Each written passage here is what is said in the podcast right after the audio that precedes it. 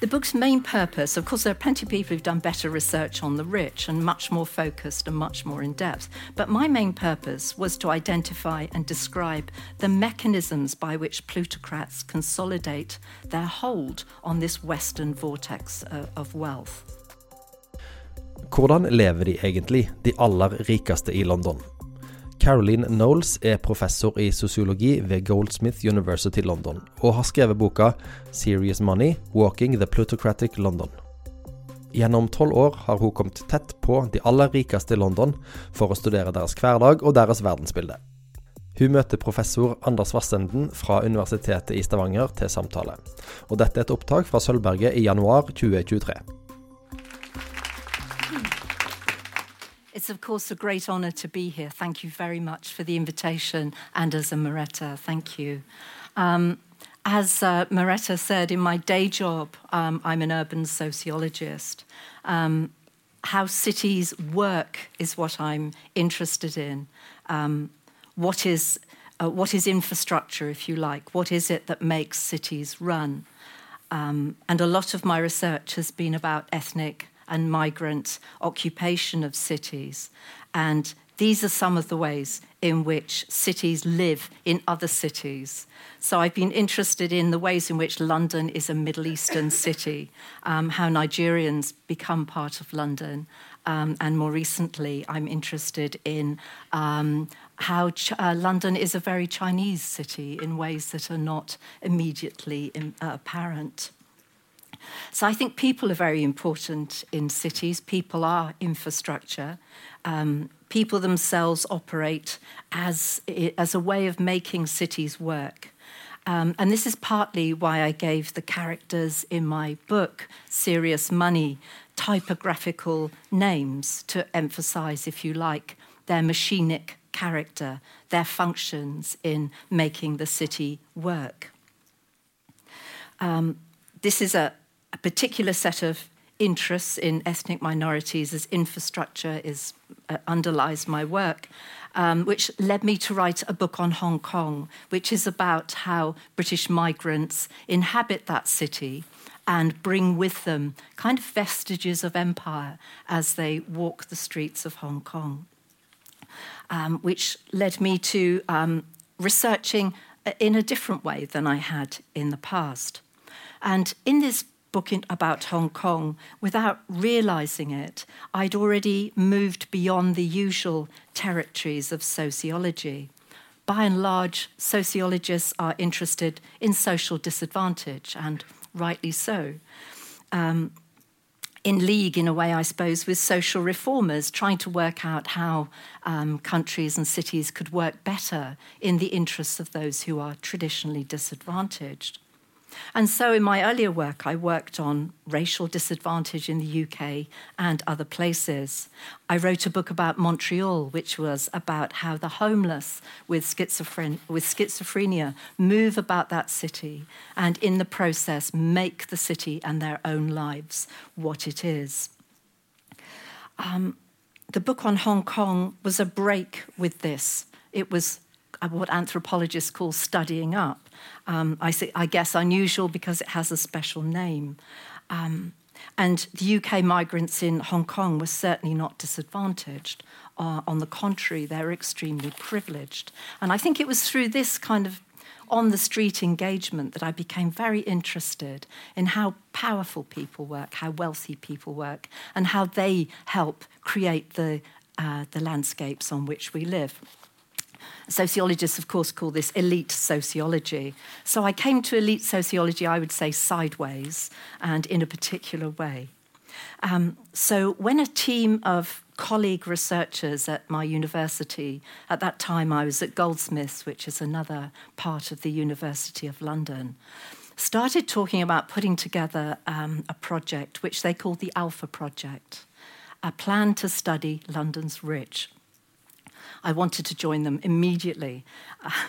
I wanted to be part of an enterprise that um, shifted the um, emphasis of research from disadvantage to understanding more the structures of privilege. Um, I, this was particularly driven by some of the popular representations of the poor in London at that time. There was a, a program called Benefit Streets, among others, which really caricatures and lampoons the poor as feckless, lazy um, parasites on society. And I thought, you know, it's time we took a look at the other kinds of parasites of society, and we could we could look at the rich. So I joined this. Um, I joined this team, and I, I got onto it by stealth, really. I convinced them they had no women on the, um, the research team, and they had no one with qualitative research skills. Um, and then, rather unkindly, I pointed out that if they were going to study the rich and interview them, they would really need better clothes than they had, and that I had a very good wardrobe to this effect. this, of course, turned out this is not true, but the fact that my academic friends didn't notice this speaks volumes, I think, about their sartorial um, skills. So, so I was involved in this project. And what this project pointed out, and it was an excellent project, I think, thanks not to me, but to my wonderful colleagues, um, which pointed out the ways in which London was sculpted by wealth. Um, and we looked at property and we looked at ownership of property and we looked at the ways in which um, the rich occupied the streets. But when we finished, I felt that we'd missed something out. And I think what we missed out was what the rich actually look like and how they live and what they're concerned about, what their houses and streets look like, what they do with their time. In short, I think we'd miss the aesthetics and the atmospheres they brought with them to the streets of London. And I think it's pretty serious if you're doing soci- urban sociology that the streets and the people were missing from our very clever analysis. So, from this beginning, I planned Serious Money as a set of close encounters with the city streets and the wealthy people who live there. I didn't just want to analyse capital or money, I wanted flesh and motion on the routines of everyday life. And it was in this way that serious money began. The best way, of course, to get close encounters um, with the concrete and human textures of the city is to walk. So I let the city seep through the soles of my feet as I think about it, as I moved in slow motion through the streets of London, watching what went on, eavesdropping on people's conversations, arranging to meet wealthy people where I could along the way and hear their stories. Of course, this bit was difficult. They had no reason to speak to me, and I had few contacts myself amongst the really rich. My connections didn't stretch this far. So often I was relying on friends of friends of friends and what we call weak ties, very weak ties indeed. Um, and now I think it's a, a real development in elite studies. Um, there are few people who are from the very rich themselves who are now doing this research. I'm thinking of Rachel Sherman's work on, um, on uh, New York City or Manhattan, and my colleague Jess uh, uh, Sklair's work. Um, both of them come from wealthy families and have fantastic insider access. So I struggled a bit with access, but I'm very persistent. Who do I mean by rich? I mean high net worths and ultra, ultra high net worths, one percenters. Um, high net worths are those with more than a million in investable assets outside their main home, and ultra high net worths are those with 20 million in assets outside of their main home. And what I discovered is they're very varied. You can't think of them as a class or a social group. Uh, they are as, as different as each other, actually. So that's a bit about the backstory. Um, I'll tell you a bit about what the book says and does. Uh, Serious Money is a walk through a vortex of wealth, and the vortex of wealth goes from maybe London City Airport along the Thames west through to here, and then on into the suburbs. Um, we know that the rich live there because of Richard um, Webber's Mosaic Experian data, which logs consumption patterns against postcodes. So I knew this because, the Alpha, because of the Alpha research project that I did with my colleagues. So while serious money seems very meandering and serendipitous, it is in fact built on the foundations of these kinds of quite hard data which I think gave me permission to wander and probe rather than be very sort of rigorous. Um, my walk is from the from the city, as I say, near the airport, from um, uh, the financial, this is the financial centre at Canary Wharf and the City of London, which is where money is expanded. Um, and then I discovered that actually you need to move west into Mayfair to find other financial instruments where hedge funds are based, where private equity companies are based, uh, hidden in beautiful 18th century and 19th century townhouses in Mayfair with no real labels on the door. And this is where you find family offices, the places that run the affairs of very wealthy families. So I walked through financial city to Mayfair to Kensington and to Chelsea, all the while moving west to Regent's Park to Richmond and ending up in the wealthy suburb of Virginia Water, at which point the full weight of the vacuousness of wealthy life had manifested itself in this and uh, itself and the story just runs into the ground. That's where i ended the book a chapter called dead streets where no, there, there is no human habitation, just large houses and, and uh, electric gates. The book's main purpose, of course, there are plenty of people who've done better research on the rich and much more focused and much more in depth. But my main purpose was to identify and describe the mechanisms by which plutocrats consolidate their hold on this Western vortex uh, of wealth. Sorry, this Western reaching vortex of wealth. By mechanisms, I mean things like the financial alchemy that sustains plutocrats, the interior decor, the domestic scenes through which the next generation of plutocrats are produced, the housing, the areas of consumption, and their wealth enables them. In short, it's about how the production and consumption of money is lived, uh, what it looks like, and how it operates. And this is what the book describes chapter by chapter, neighborhood by neighborhood, character by character. Um, in the book, I let the rich speak for themselves largely. It's difficult to set a tone when you're writing a book like this. I didn't want to be condemnatory, I didn't want to be celebratory. Um, I merely, I, I sort of think they hang themselves rather nicely, so I left them to it out of their own mouths. Um, I mean, a lot of books on the rich say, and another damn thing about the rich, you know, but I didn't want to do that. So there are characters like Quant, the maths geek who writes the, alchemy, the, um, writes the algorithms that expand money in the city. Banker, you know, the servant of the ultra wealthy who helps them expand their money. A man called Cake, who's a former banker and private equities dealer, dealing in fintechs. Uh, Sturgeon, a Russian investor who's um, millionaire, billionaire actually, whose hobby is producing sustainable caviar. That's a nice idea, isn't it? Sustainable caviar. Art advisor, um, the former Mayfair gallery curator, um, who advises the wealthy on how to collect art. And art, I discovered, is a really big mechanism for laundering money in London, which is what London is very good at.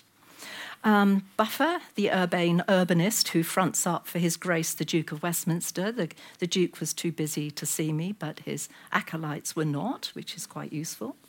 Runner, who runs a Mayfair family office and has his own property development on the side.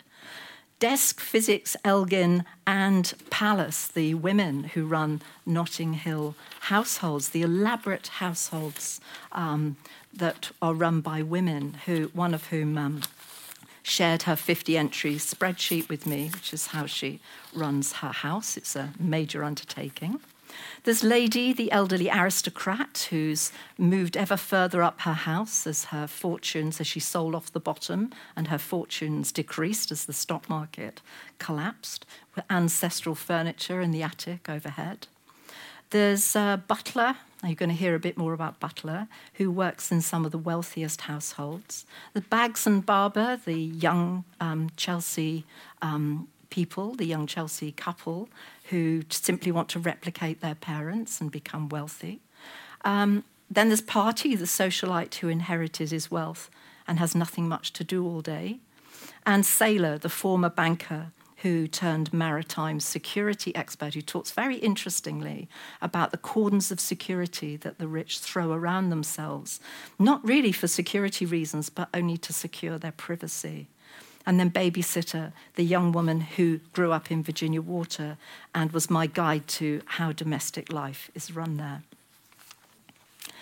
If I have a couple of minutes, I could read a little bit, or should I stop? yeah. I don't know. No, read. Are we please, okay? Please.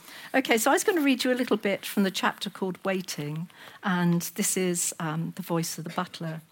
So I've been listening to the voices of serious money coaching rich people to speak, but now I wanted to mute them for a moment and tune into a different conversation, to the quiet whispers in the corners of rooms. I visited the homes and workplaces, the public faces of the rich, but to get behind closed doors, to see how the rich actually live, I'm trying a different tack. This is where Butler comes in, telling me what he saw, letting me peep into some of the best addresses in Kensington and Knightsbridge. Legal contracts and draconian non disclosure agreements with crippling penalties restrain butlers from speaking about their jobs and their employers, officially making them voice- voiceless. Butler will only speak if I guarantee he cannot be identified from what I write. He's taking a big risk. Discovery would destroy his career. The right to speak and act freely while silencing others proves the power of money. But Butler has spent 17 years working with demanding royal families from the Middle East, and he's ready to talk. His employers were those who are vastly enriched by the sale of fossil fuels and live in London for large parts of the year. While the butler's experiences are undoubtedly specific, they're unlikely to be unique, nor do they describe only Middle Eastern royalty.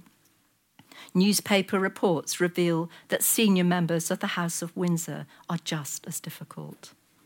He's tapping into an increasingly lucrative market. The London based Work Foundation reports 2 million people now work in domestic service in the United Kingdom, the highest number since the Victorian era, and insists that the master servant relationship has been updated for the 21st century. We don't have precise figures, but the number of butlers in the UK or in London, where they're clustered along with the rich they serve, are probably in the region of 5,000 or more. Butler can offer me glimpses of realities behind the lavish Kensington front doors as we wind our way through the quiet Kensington back streets towards Knightsbridge and, its, and the grand department store Harrods. He tells me a story about one family he worked with. They were rarely in the same place at the same time, but they were gathered together in London on this occasion. The daughters had returned from universities in the United States. Four butlers were on duty in the pantry, just as he said, sitting and waiting to be summoned. When the family called for tea, the butlers sprang into action, pouring tea into six Meissen porcelain cups. Earlier that day, one of the butlers had dropped two of the Meissen porcelain cups, so they had to find substitutes. Butler says, Don't get me wrong, the replacements were very expensive cups as well. The mother, the princess, happens to get one of the teacups that wasn't Meissen porcelain. So five minutes later, one of the daughters comes into the pantry, banging the cup onto the work surface. He does an impersonation of her voice, haughty and indignant. What do you guys think you're doing? You're serving my mother tea in a cup that isn't Meissen porcelain. That was at one in the morning. We'd been on duty for 16 hours. Butler suspects this family were the result of an arranged marriage, a classic maneuver to protect dynastic wealth. He does not know if the family members love or even like each other. Could this explain why they spend so little time together? The boys are all right, he says, um, always hanging around together, giving trouble to the chauffeurs and to the security. The girls we don't see that much, but whenever they're around, it's just that sort of trouble, like the trouble of the Meissen porcelain. The mother princess struggled to orchestrate family meals. She would spend 45 minutes getting the nannies and secretaries to summons everyone for dinner. But it felt like a forced thing. They didn't really want to be there. It was embarrassing, actually, because she would get the chefs cooking millions of things and huge dinners, and no one would show up. So she would get the secretaries or the underlings to sit with her for dinner. We felt not sorry because she was horrible to us, but most embarrassed. Um, we're on St Albans Grove on the edge of officers' territory, who's another character in the book. Another door, another peep show, and you look into um, other ways in which butlers simply wait around waiting for the next order, and some of them rather trivial. Um, and what he talks about is the kind of tantrums that wealthy people throw if exactly what they want cannot be secured at exactly the moment they want it. Thank you, Caroline. And congratulations on publishing such a great book. It's wonderful to read. I think you write somewhere that you're, if I remember correctly, partly attracted, partly horrified by the whole scene. I can certainly understand. Uh, there are parts here of your book that are hilarious, other parts that are mm, kind of make you jealous, and, and but much, much more that are just deeply, deeply disturbing. Uh, this book is, I think, it's extremely rich in description, served effectively by these typo typographic characters, and I think it works brilliantly both as investigative uh, journalism and, of course, as sociology. And I have a number of themes I would like to touch on in the discussion, but we can only cover so much. Uh, let's see which ones of uh, the following the time permits. I mean, social segregation is an obvious topic here. Property, housing, mm. it lies at the heart of the ills that this plutocracy produces, or the problems in housing and property. Mm. The super rich and how they relate to other elites like mm. bureaucracy, university, journalism, isolating themselves not only from the working classes and the middle classes, but from other elites as well. Mm. This is a new phenomenon. Then it's the issue of old versus new money, which I think mm. is fantastic. And of course, gender. Let's see where, where the discussion takes us. Uh, but before asking questions, I have just two observations about what I see as one of the values, or two of the values of your book. One is sociological, and, and, and the second is for democratic uh, discourse. For urban sociology, as you touched upon it as yourself, it's typically focused on social disadvantage. Uh, the poor, ethnic, racial minorities, um, the working class or the poor working class. The, ever since the Chicago School, from the inter, inter what's it called, inter interwar years, mm. um, we, we we have tended to focus on on one extreme of the social spectrum, and that you have been able to do ethnography of the of the of the of the rich and among the elite among elites and how they actually transform cities. I think that's a major achievement. So Thank you. Good. And next, as a democratic or a contribution to democratic discourse, I, as a non-economist, I struggle, typically struggle to understand the concepts and the lingo and the, the language that we use to describe these worlds. Say hedge fund, and I doze off and struggle to concentrate. And it's kind of a problem that these so crucial issues are monopolized by econom economic mm. language in mm. a sense. And that is one of that is that's that's a contribution of of sociology, contribution of walking, that you're able to flesh out mm. the social worlds and the people that that and and the material the material aspects of wealth in London. These are buildings, and it's streets, and of course it's people and other animals. A lot of yes, other animals, other dogs animals, and zebras, and and uh, to to kind of accompany the, the, the, the, abstract financial structures that I struggle to, to mm. understand. So mm. good. That's very. That's a very um, uh, good credits to you. Congratulations. Uh, but perhaps we could, as as a point of discussion, start off with property, housing. Mm. Um, could you just expand a little bit about how plutocratic, how the plutocratic, plutocratic presence affects housing in London? Mm. And, and, and why is it a problem? Yeah, I suppose. Um, I mean, London benefits from an incoming plutocracy who buy large um, houses, um, who often are storing or hiding their money from the regimes that they come from in China, Middle East, and so on, African countries. Um, so there's a kind of influx of people, um, and in a way, then increasing parts of London have become ever more expensive, so that the merely wealthy people who used to live in those areas have been moved out further and further. So, uh, in another paper with a colleague, we say this is a, ca- a case of haves and have yachts. You know, the extremely rich are pushing out the rich, and they, they were very happy to speak to me because they're quite annoyed about this. And then, of course, the people who live in those places where they used to live get shunted on.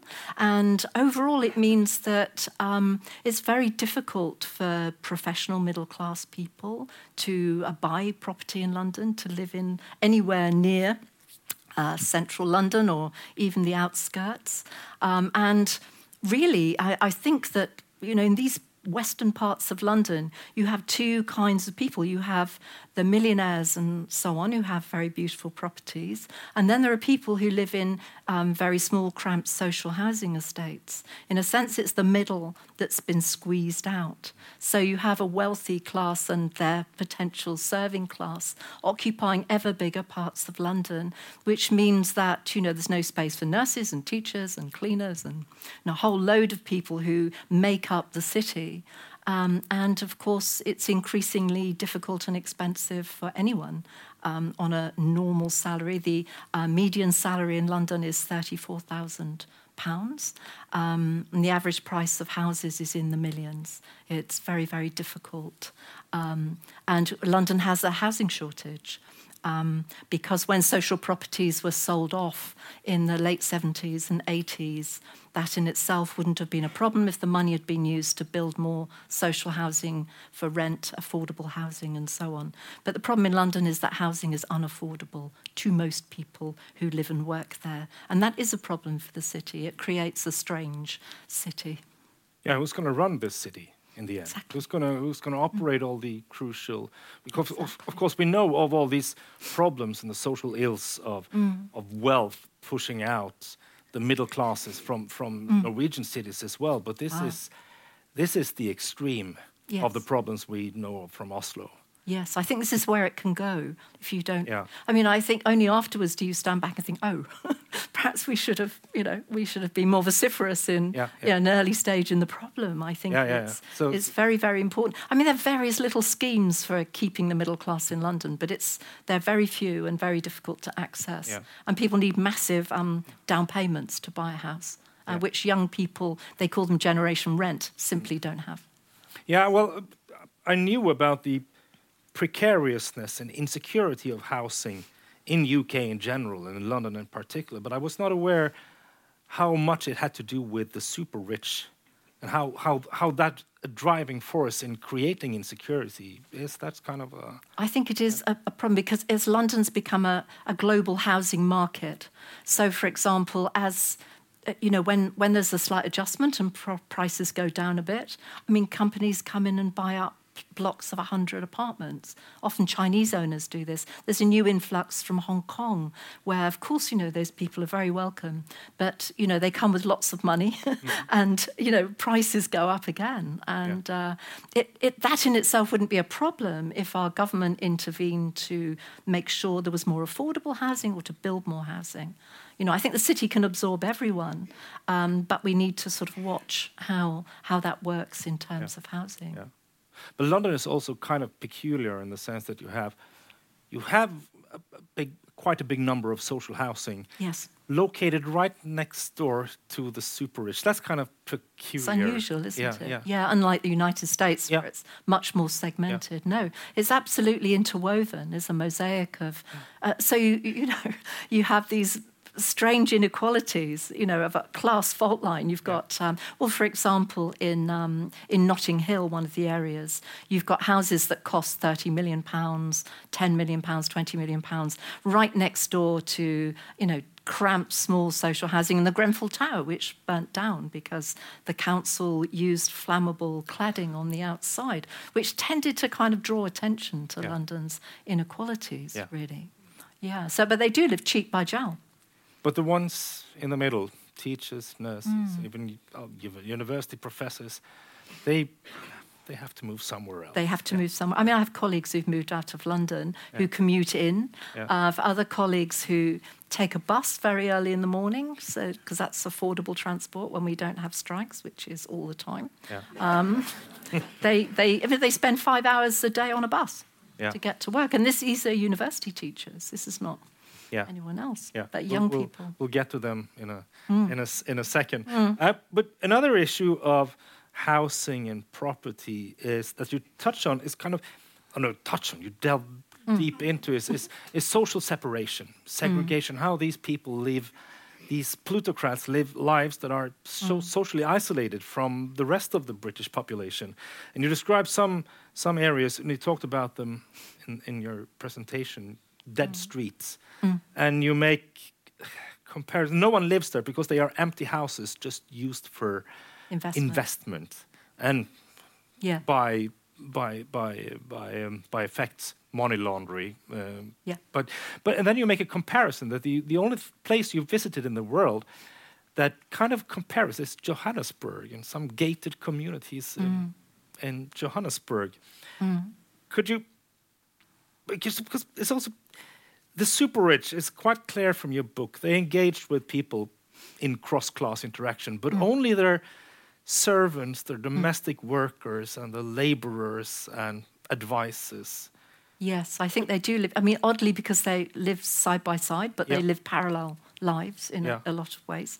Um, but there is a difference between the kind of central London plutocrat who live on the street where the street is there and people come by, and those who sequester themselves in the Dead Streets chapter, yeah. who live in these um, large lots with electric gates effectively around them. So, and lots of those are footballers, celebrities, those kinds of people that don't want interference and they have very high security. So, I knew, for example, when I was walking past, they could see me on their iPads uh, from inside their houses, and you're not supposed to because all the streets have private, no, no one au- unauthorized to walk on them. So the streets have been taken over and they're maintained by the wealthy who live on those streets, Yeah. which is quite different from having public Yeah. thoroughfares. So there is this, there are strange separations and interactions which are about service, really. Yeah. Yeah. They don't. They don't. They wouldn't interact like we do now, like situational equals. No, I don't think they, they don't go to the same things. I think they're also a bit secretive and defensive because, I mean, many of them know that the means by which they've become excessively wealthy, you know, are not really kind of socially useful or, Yeah. you know, productive. I mean, I wonder, you know, the people that, the math geniuses that um, write algorithms to pile money for the already rich, if they taught maths in schools or did, you know, something Yeah. that we could recognize as more useful, I think perhaps they would feel better about themselves. I don't know. so they, there's a certain amount of guilt and, and anxiety Yeah. Around the ways in which they make their money, which I think partly accounts for the ways in which they develop the opacities so that the rest of us cannot really watch them too closely. Yeah. I, the example is when I was doing, I was doing a walk with um, a, a photographer for for one of the news items that they was in a newspaper, and um, we were standing outside of a hotel, and the photographer was photographing me standing in front of the hotel, and the management came flying out and said, "You cannot photograph the front of this hotel." We said, "It's the street. It's a hotel. You know, What on earth are you talking about?" Uh, and of course, they're, you know, we're right. It's public property, and we can photograph. But you know that shows their defensiveness about their privacy. We might see someone inside the hotel having their breakfast, and that might Yeah. not be desirable because it violates privacy. So I thought that was quite telling. Yeah, that, and that was another, and one one thing I made a comment note of is this the visibility concealment because this kind of their wealth and their status is both on display Yes. and carefully hidden. Indeed. Could you? Yeah, I think it's a strange dynamic, yeah. isn't it? Because being wealthy is about, you know, showing your trophy assets. I think it's um, it's about party that the commentator says, um, you know, when you travel, you show your trophy assets because there are private planes, there are villas, there are private parties, there are very important people invited to those parties, and that's all about display. But it's about display in a small group. Um, among a small group of people. I think, you know, there are other reservations about displaying that wealth too openly, mm. uh, unless, you know, you're a celebrity and you want yeah. to be yeah. photographed in the newspaper looking wealthy. Yeah. I mean, there are great differences. But a lot of um, wealthy Londoners or people who've come to London to be wealthy don't particularly want to draw attention to their lifestyles or the extent mm. of their wealth mm. because it's just so mm, multiples of anything that anybody else has. Yeah. You know, it's just huge, stratospheric. But it could, it could, it could be different reasons for concealing. One is, of course, if it's if their money is corrupt. Yes, of course. Have, but then it's the the, the, the just the the mm. perception of the general public, mm. because their wealth in in the end rests on it mm. being legitimate in one sense. I, I don't know. It's uh, yes, indeed. Yeah. yeah, I mean, it's it's interesting this idea that you know that governments always want to draw the wealthy to their shores because they think wealth trickles down. And mm. I think what the book shows uh, is that wealth actually trickles up, yeah. right? yeah, yeah. so, yeah. And actually, poverty is the result. I mean, it's not just that the rich, and as the great, you know, geographer Doreen Massey says, it's not just that there are the rich and then there are the poor, and are we being a bit jealous of the rich? You know, they're both produced by the same kinds of economic underlyings and, and social logics. Mm. And when one has space, the other doesn't. It's a zero sum game. It's not that everybody is getting what they need. I think here in Norway, with your more extensive welfare state, that perhaps wealth wouldn't be such a, an enormous problem because there is, you know, better social redistribution. In London, we don't have this. Yeah, yeah. Maybe, maybe, maybe we'll come back to that.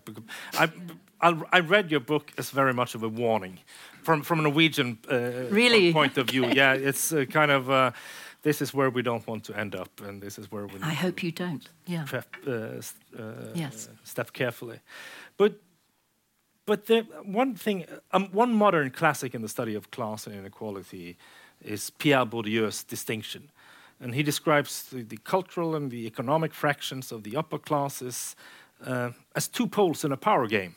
Mm. You have, you know, the, the business managers and, and, mm. and you have the journalists and professors and etc. Mm. And they are quite evenly balanced in this, in this hmm. game. The rich are the dominant of the dominant, he calls it. But still, mm. they are not equal, but they are both contenders in the same mm. fight, so to speak.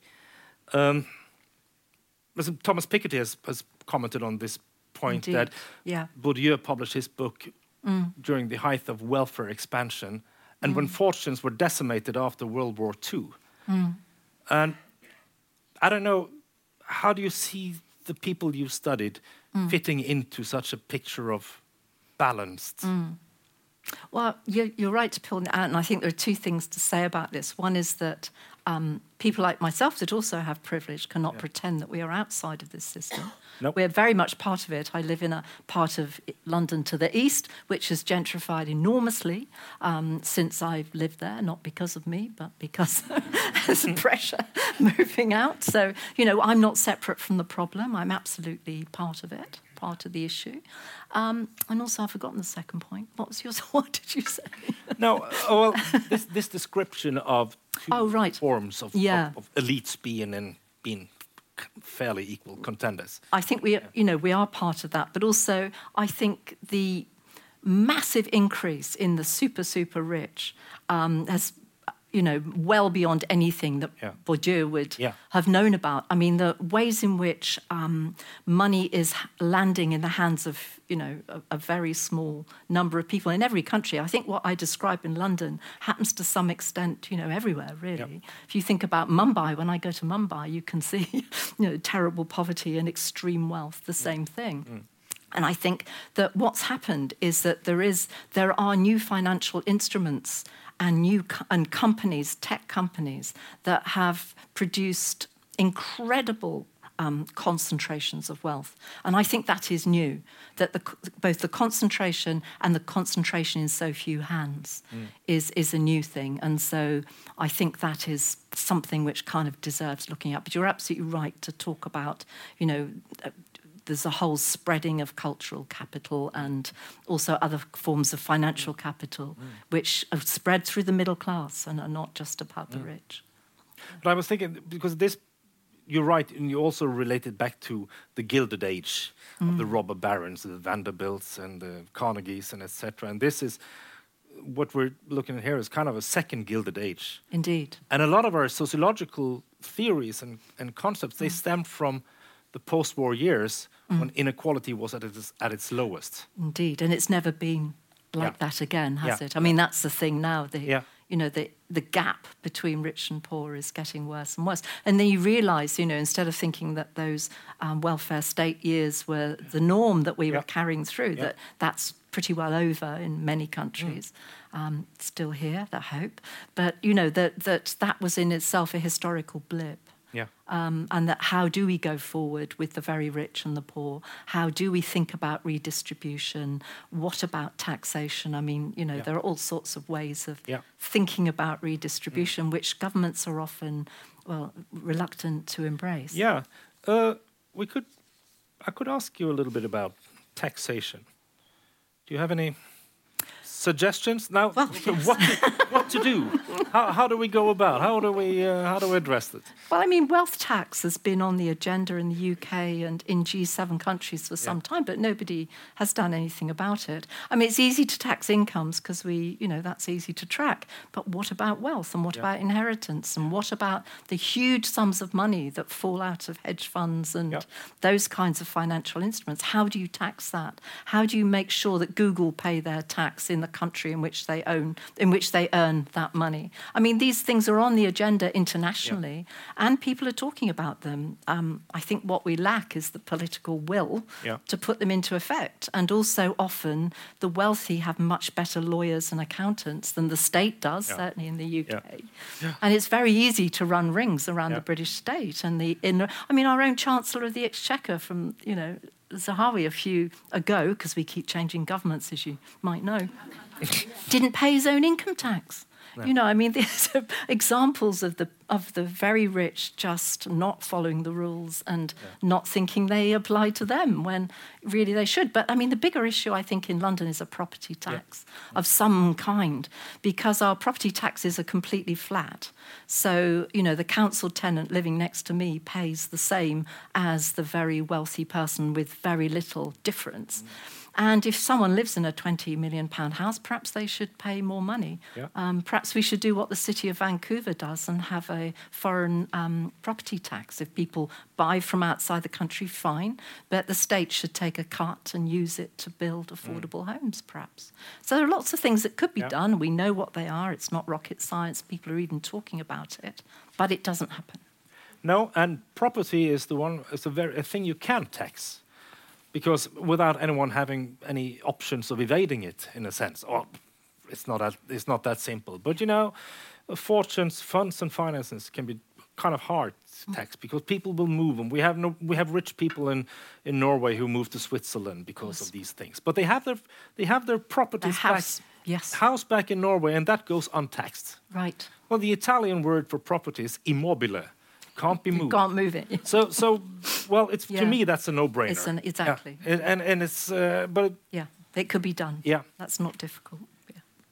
but um, well, back from back from property then to different different elites and different and distinctions within within the rich. One thing that I think was was fascinating while reading your book is this this uh, dynamic between the old and the new money, Yeah. and how the aristocracy, the old landed aristocracy, serves as a role model mm. or a imagery or mm. things that they can that they could you mm. Yeah, I mean, tell I, us a little bit about I that? think this yeah? comes from having a royal family as well. So you've Yeah. got the royal family with their enormous estates and their sort of strange ceremonies, which we're about to be treated to again, as there will be a coronation this summer. Um, you know, with gold coaches and processions and stuff like that. And of course, you know, there's a, a, a version of that amongst the aristocracy. And in a way, those are those are offered as models of how to be rich properly. And lots of newly rich people are kind of a bit lost for Yeah. ways to be rich properly. And often the aristocracy and the landed gentry and the traditionally rich offer advice and act as interlocutors for the new rich in how to you know, how to decorate, how to appreciate art, how to hold a proper ball. You know, there are all sorts of ways and manners in which they warrant, the old money warrants new money with models of, you know, how to go shooting and hunting and those other very strange yeah. activities. So I think there is a very incestuous relationship. Yeah. And, you know, old money, which doesn't have as much money, is making money out of new money by teaching yeah. them how to be rich properly. The other, they're cultural advisors in a sense, the taste advisors. So they are, in effect, the servants of the new rich. They are. In, a, yes. in one sense. Yes but, but also culturally superior. Yeah, yeah, exactly. Yeah, yeah, exactly. At the same time. Yeah, yeah. yes, yeah. Because it's all the it's all the, all the shops with the tweed jackets, yes. and hats, and uh, yeah, the guns. Yeah, you know, the, it's very. And I, I suppose I, I, suppose the butler phenomenon mm. spread is part of this. Yeah, that is a big UK export. I didn't realise this till I started yeah. doing the research. But there's massive, you know, sort of butler training, British butler agencies yeah. are finding butlers to work in the Middle East, to work in China, India. Yeah. You know, China and India minting new rich at a great speed, uh, where people want, you know, those kinds of strange 19th century upstairs, downstairs models of how to be rich. Yeah, I think they're rather suspect. I mean, listening to the butler, you know, to spend your life waiting for the next order yeah. doesn't seem a great use of anyone's time, really. Yeah. Um, did anything make you? Well, I must say, I, I grew angry from reading uh, reading your book. Did it? Did that happen to you while doing it, or was it more like? Yeah, yeah. did. I suppose I got used to it. Another friend said it made us sick. yeah. I don't quite sure how to take that, but anyway. Um, but yeah, I mean, I, I think I am angry about what it's done to the city that I love and live in. Mm. Um, I think, um, you know, we can all live there. We can all live there in different ways, yeah. but we don't. Ha- they don't have to live there in a way that excludes and makes life worse for so many people. So yeah, I think I, mm. I was a bit angry by the end of it. Mm. Yeah. Although of course, you know, I'm also there's something very seductive about it at the same mm. time. So your anger is sort of tempered by a, an awe, you know, that. Yeah I've never seen a floating glass staircase. I mean, how amazing. No, now I need one. Uh, no. Yeah. So I'm sort of angry at myself being drawn into this. Angry at yourself for not being angry enough with, uh, with yeah. Partly, no, I am angry with yeah. Yeah, on a city scale, I'm yeah. very angry, and also that needn't happen. You know, it's one, not unfixable. Not at all. One one of the things that made me really mad when I read it was seeing was a kind of lurked at the back of my mind, but I hadn't seen it in print before. The, the, the parallel processes of the growth and the deliberate import of the plutocrats and the austerity policies and the cutbacks to, yeah. to the welfare British, the remains of the British welfare state. Yes, exactly. They're so well linked. I mean, and yeah. we see another uh, stage in this now mm. because mm. um, at this, the moment, this moment, um, plutocrats in London are making ever more money than they were even before the pandemic. And at the same time, the British state is being cut back on the grounds that we need to balance budgets uh, post pandemic. So we see a repeat of 2008, it took two years for those cutbacks to, to hit the streets. And we're seeing the same thing again, cutting from a, a, a lower baseline. Yeah. yeah. Um, I don't know, you know where we're going. It's uh, the numbers of homeless increase by the day, you know, the number of uh, people who are inadequately housed and can't afford to live increase by the day as electricity and food prices rise. I, you know, where is this going? It's yeah. extremely worrying.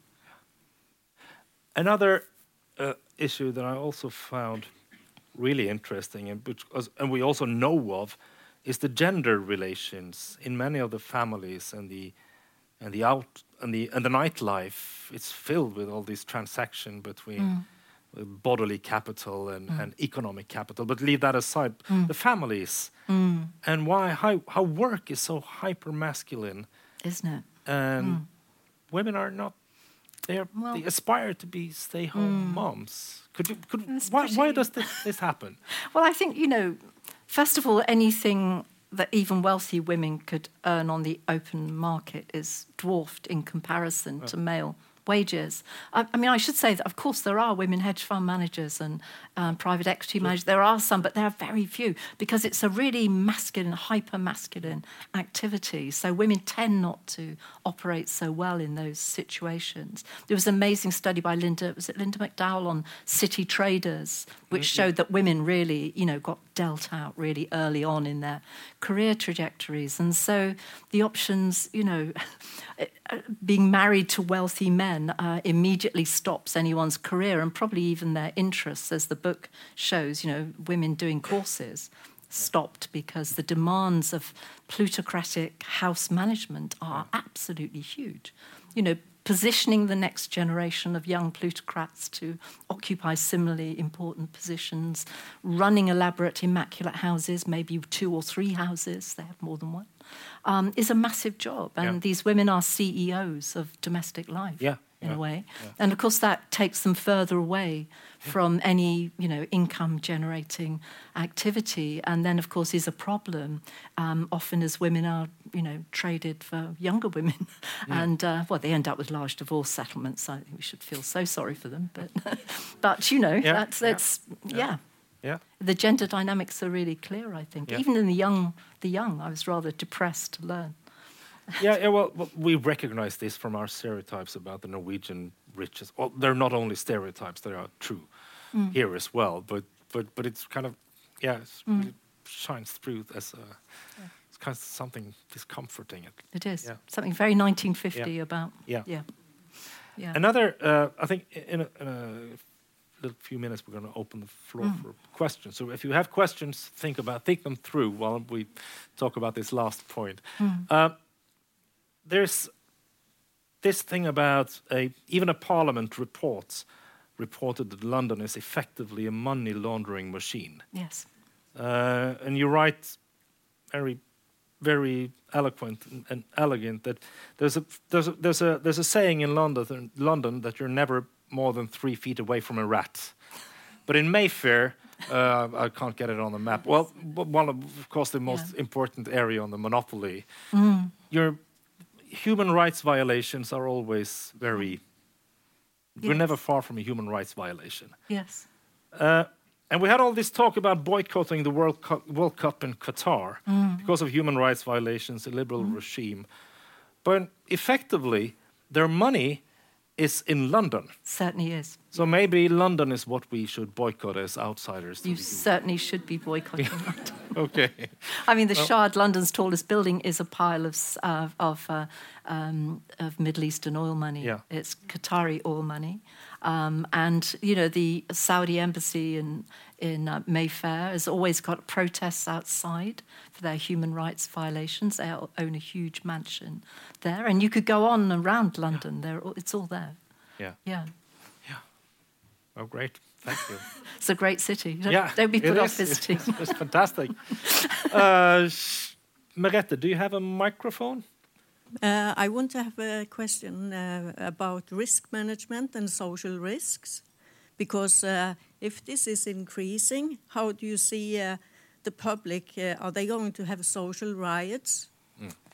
Good, very good question you know, I think, you know, the increased gap, surely something will give. But, you know, we, are in a very difficult moment and there hasn't been an uprising of any sort. Um, but, you know, at which point, because I suppose the state kind of tries to assuage and pass out bits of money, they're underwriting poor people's electricity bills at the moment. There's little bits that buy off what you know the kind of social movement that you might be able to build that was briefly around the 1% in the occupy mm. movement mm. that all has gone and i don't know there's it's very hard to know how you could bring people together and on what basis because there's a growing recognition of the huge gap and yet you know we grumble and we don't do anything that's a very good question thank you it is and since since then since the occupy Occupy movement, all the anti-elitism has been directed towards other elites, yeah. cultural elites, expertise. Oh, that's true. Yeah. And with the super professors, rich, no, with the, with the, super rich, kind of fly under the radar of any popular. No, that's right. Yeah, they do. one other question. Uh, with this uh, gentrification and even super gentrification, then people moving out, having to move out because of the costs, and as a result, they have to spend more time traveling. Yes. They have to pay more for traveling. Yes. The transportation network possibly have to be costing more Yes. because of these, blocking land that they don't need, really need and areas they don't work, they mm. don't have to be there possibly. Mm. Yes. Is that, is that a, an effect or? I think it is an effect, yes. I mean, um, you know, the move away from coming into the office every day has had an impact on transport networks, which I think are not sort of paying their way anymore. And so you have both people paying high amounts to travel to work, um, and yet if they live any closer, they pay high rents and high housing costs. And I think it's, um, it's very much a, a growing problem. It's an important point. Okay, if we don't have any more questions, I'll just direct you to um, the uh, book webpage, which which is a wonderful webpage. It's you. uh, uh, where you can have a look at the different characters in the book, or at least some of the characters, and uh, images and uh, descriptions of the book, and you can buy the book there, which I strongly recommend you do. Uh, the webpage is www.seriousmoneybook.com. It. And uh, on that note, I think we just give Caroline a good round of applause and say thank you very much. Thank you. Thank you